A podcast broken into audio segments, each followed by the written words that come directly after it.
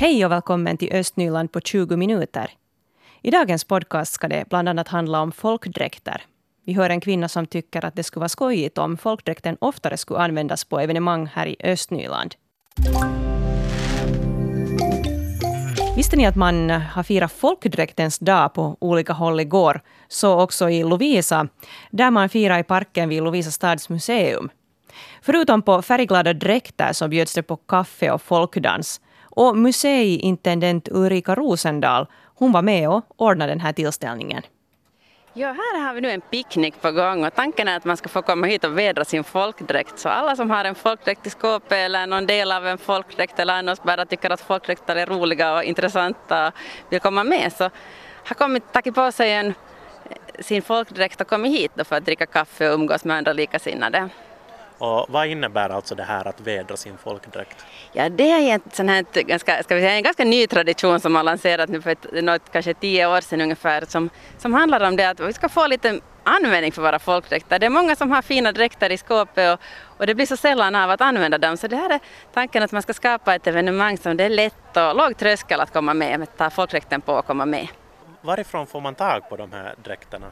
De flesta har ju antingen ärvt dem av någon någon kanske i äldre generationen eller sen har de sytt dem själva. Det är mycket ofta så att man syr dem de väver tyget själv för att få, det, få den här riktiga folkdräktskänslan ska det vara mycket handarbete. Och hur är det då, du sa att det här var Pärno folkdräkt, mm. så har alla alla städer, alla kommuner en egen folkdräkt. Hur fungerar det? No, inte har riktigt alla, men, men det där, många har nog, och det är ju ofta så att städer inte har. Att städer har då ansetts vara sådana urbana internationella centrum som inte kanske haft så folklig kultur, men, men det där sen landsortssocknar, de har sen sina egna ofta. Uh, Gunborg Hagner, kan du berätta lite om den här pärnodräkten du har på dig? Tyget har min mamma vävt på början på 80-talet. Min mamma heter Iris Stenberg och det där, sen har Kerstin Stenstrand sytt den men jag har broderat duken och hettan och fickan. Och sen nu har jag sytt ny blus. Och, och det där, sen har jag köpt en ny spets. Hur länge tar det liksom att sy eh, de här delarna? Det tar tid beroende på hur van man är och hur ovan man är. Och sy, sy knapparna för hand, det är ju allt, det är ju allt tyg, det är allt för, handsydd, allt är för handsydd. Hur länge tog det för dig då? Det tog nog ett år i MIs regi. Och hur är det då, du tycker om att gå på sådana här evenemang med folkdräkt eller? Ja, jag tycker om att gå med folkdräkt, använda folkdräkten. Varför är det så roligt? För att jag tycker om bygdedräkterna, de används för lite, de syns för lite. Tycker du att man borde använda mer liksom i vardagen dem också då eller? No, ja, mera i, i vanliga evenemang. I vanliga evenemang skulle man bra kunna använda dem mera. Har du några exempel på vad för evenemang du tänker på? No, just svenska dagen och många har också till bröllop och födelsedagar och midsommar. Och varför valde du att komma hit idag då? För att det var folkdräktens dag. Jag har varit sen det var ordnat till att visa och Lapptas så jag har varit den dagen med. Ja, no, vad hoppas du då att du ska få ut idag av den här dagen? No, det var inte så roligt att det börjar regna. Vi ska hoppas att vi kan dansa och umgås med de som är här. Dansar du själv också det här folkdans? Jag dansar själv folkdans för att jag skulle använda dräkten. Måste man kunna dansa för att få använda dräkten? Man får använda mera. Och hur har du lärt dig den här folkdansen? No, folkdansen dansade vi i skolan när jag från fjärde till sjunde klassen. Sen började jag först nu 2012. Var du då på riktigt kurs eller så? Alltså, vi, går, vi har ju EMIs regi en gång i veckan på vinterhalvåret. Jo, inte kan jag men jag försöker. det är inte så. Och Gunnevi Taipale, du är här bredvid, du har på dig Liljendal-dräkten. Den är sån här jag skulle säga att den är grannare nog definitivt än Pernodräkten som är ganska svart eller över, övergripande svart medan din dräkt är mer grönaktig kanske. Grön och sen är det rosa och blå, blått och, ja, och grönt och så här. Ja. Eh, kan du berätta lite om Liljendaldräkten? Eh, no, jag fick eh, uh, av min farmor, hon skulle ha, hon var Liljendalbo.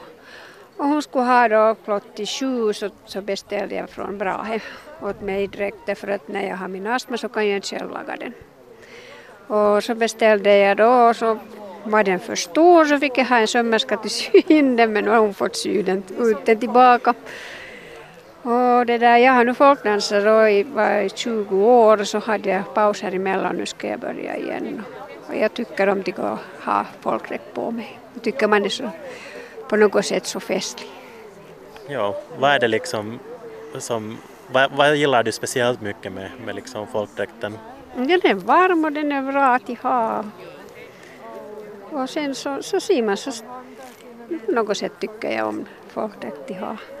Brukar du ofta vara på sådana här evenemang som idag? Nå, då som jag nu var och folkdansade så var vi ju mycket, vi var ju till både till Hilleröd och Norge dit och, och Karlskrona på sån här deras folkdansstämmor och då var ju de hit, här har de varit och, och det där så har vi varit i England och, och folkdansat och det har varit mycket roligt mycket ställen där som de hade besökt. Vi hörde Gunnevi Taipale och Gunborg Hagner här i inslaget och före det också museiintendent Ulrika Rosendal. Och det var Pontus Nyqvist som var reporter.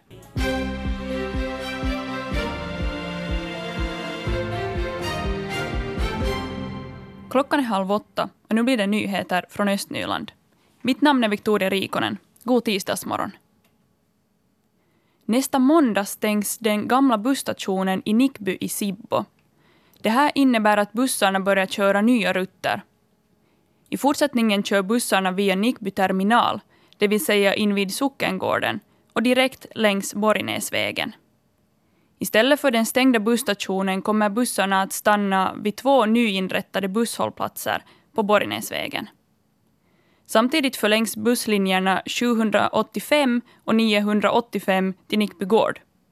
De nya rutterna och tidtabellerna finns i HRTs reseplanerare.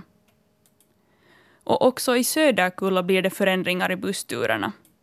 Från och med nästa måndag slås linjerna 841 och 991 ihop. Den förnyade linjen 841 fortsätter från Söderkulla via Amiralsvägen till Nickby. Linje 991 läggs ner. En ny busslinje som går från Östra centrum till Eriksnäs via Söderkulla startar. Också de här förändringarna kan man hitta i HRTs reseplanerare. Och så till Borgo. En brand bröt ut på Emsalö vid Haxalövägen 65 igår eftermiddag strax efter klockan 13. Det var en förbipasserande som märkte att det brann vid sidan av vägen och larmade Räddningsverket. När Räddningsverket kom till platsen var branden ungefär 25 gånger 25 meter stor. Enligt jourhavande brandmästare var det tur att den förbipasserande såg branden i ett så tidigt skede eftersom den annars lätt hade kunnat sprida sig över ett större område. Brandorsaken är okänd. Och Villa Albert på Albert Edelfelts museets tomt i Haikko i Borgo är färdig. Villan invigs med en vernissage om en vecka. Öppningsutställningen består av målningar av Tero Annan Olli, Johanna Lumme och Hannu Palosua. Vid sidan om utställningen visas också en panåmålning av Albert Edelfelt som inte tidigare visats offentligt. Öppningsutställningen pågår från och med den 15 augusti till och med den 29 september. I fredags så samlades fredsvänner i Lovisa för att igen ta del av Lovisa fredsforum. Och de här fredsforumdagarna kulminerar ikväll då ljusprocessionen till minne av offren i Hiroshima tågar från Skeppsbron till plagen. Och I fjol så deltog 450 personer och många la ner tända lyktor i havet. Och vår reporter Mira Bäck hon har nu stämt träff med Timo Virtala på Skeppsbron i Lovisa. Timo Virtala har i många år aktivt varit med om att arrangera Lovisa fredsforum. Mira, en hurdan morgon har ni i Lovisa nu? Det är en riktigt vacker och, och solig morgon och, och ganska varmt. Så det är just passligt att man klarar sig om man har en, en jacka på och, och står här i, i solljuset. Vi har en, en sån här skräpbil här bredvid oss som kanske lite bullrar men jag tror nog att ni hör oss riktigt bra ändå.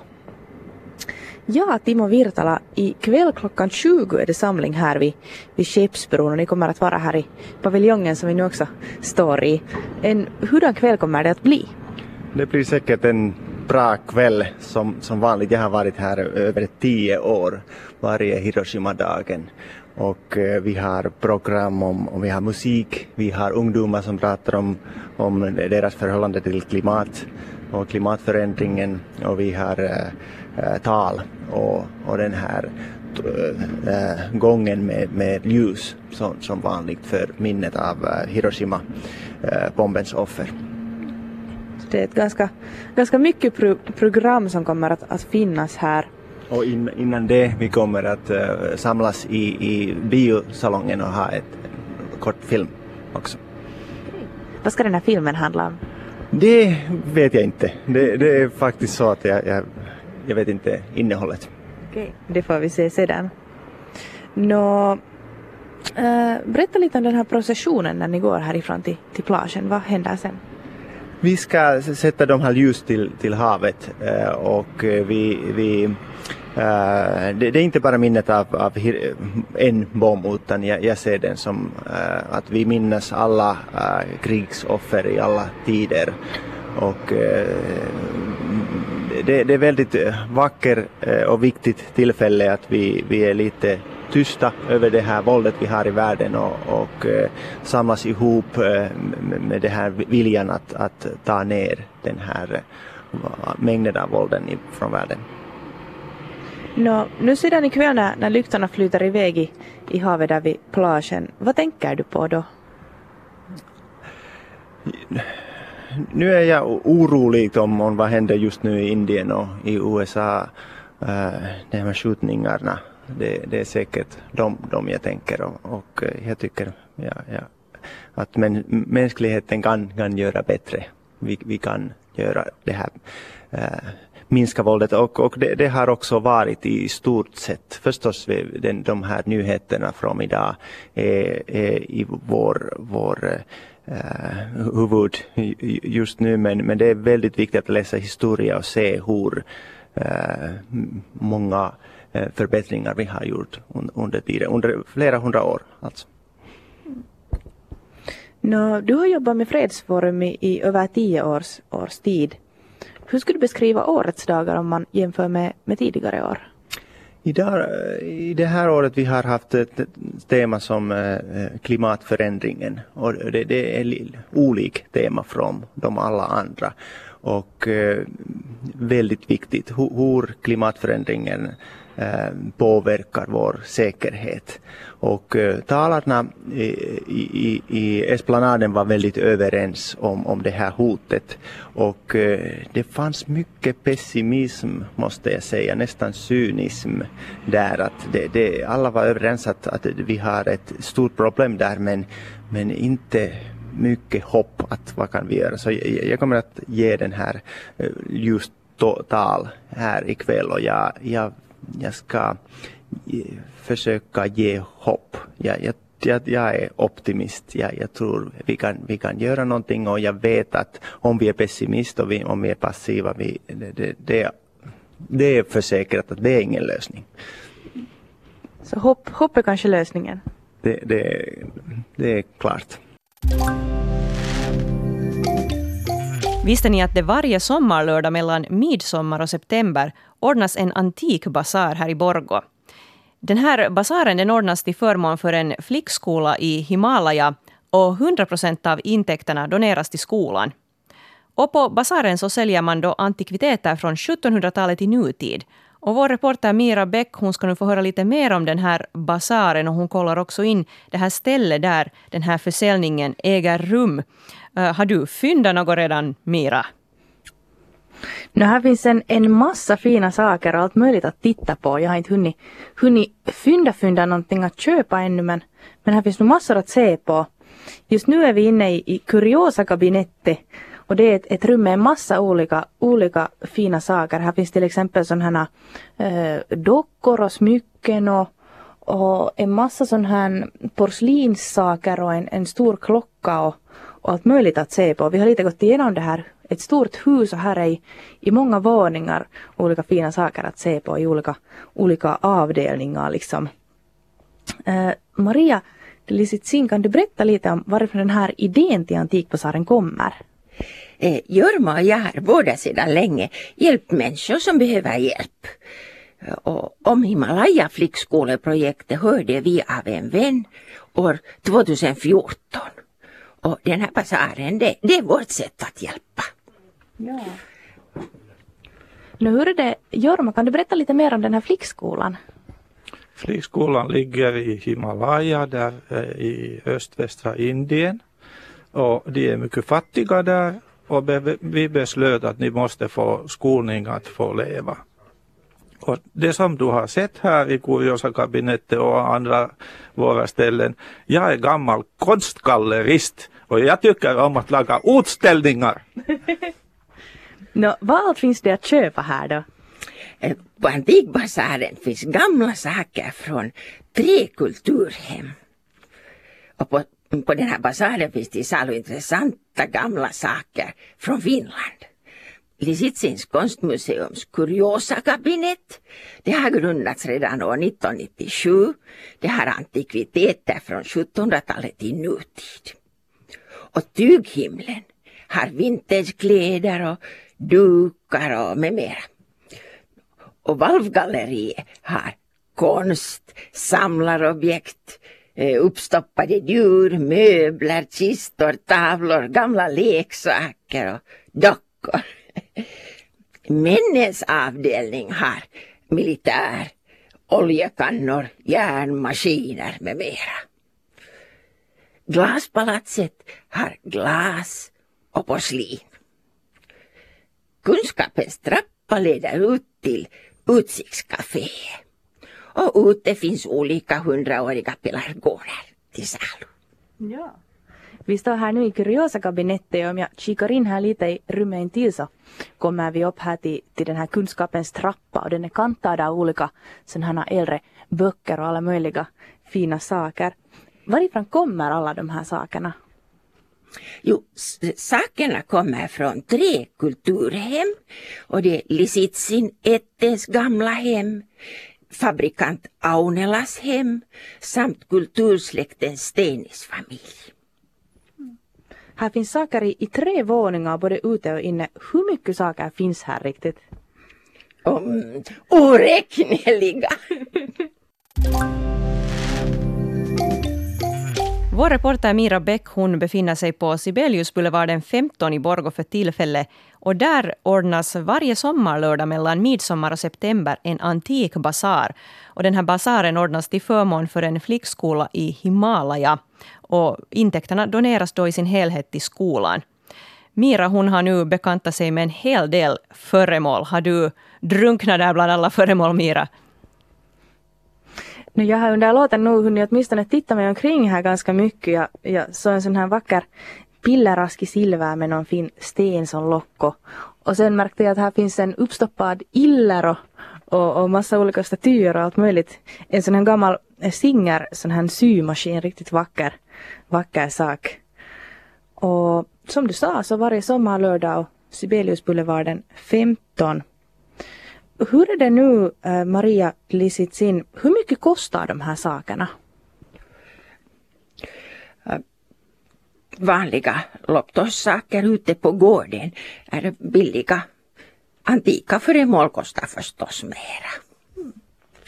Och ni har samlat på er de här sakerna under, under flera år och fått dem som, som donationer. Hur ofta får ni till saker hit? Vi får dagligen eh, lyckligtvis allt mera och mera äldre saker. Ja. Nå, hur mycket arbete är det med att ordna en sån här antikbasar? Det har varit heldagsarbete för hela året. Nå, hur är det nu sedan när vintern kommer och, och ni inte håller öppet mera? Vad händer med grejerna under vintern? Sakerna väntar till en ny basar på i lagret. Så det blir kanske nästa sommar igen?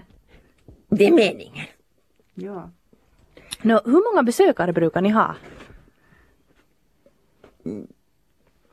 Antalet vet vi inte. Men ofta är det ganska trångt i huset på basaren. Så det är kanske många som kommer på, på lördags utflykt hit? Jo, det kommer människor. Nu, hur hjälper de här intäkterna flickorna i, i flickskolan? Eh, hela 100 procent av till basaren inströmmade pengar doneras till Lumla flickskolan. Vi hjälper att grunda och upprätthålla Lumla flickskolan Det är även möjligt att bli sponsor för en Himalaya-flicka i Lumlaskolan och sponsoravgiften är då 45 euro i månaden. Och basaren hjälper flickorna och skolan i Himalaya. Östnyland på 20 minuter är en Svenska Yle-podcast och det finns flera poddar på arenan. Jag heter Katarina Lind. Tack så mycket för sällskapet. Vi hörs!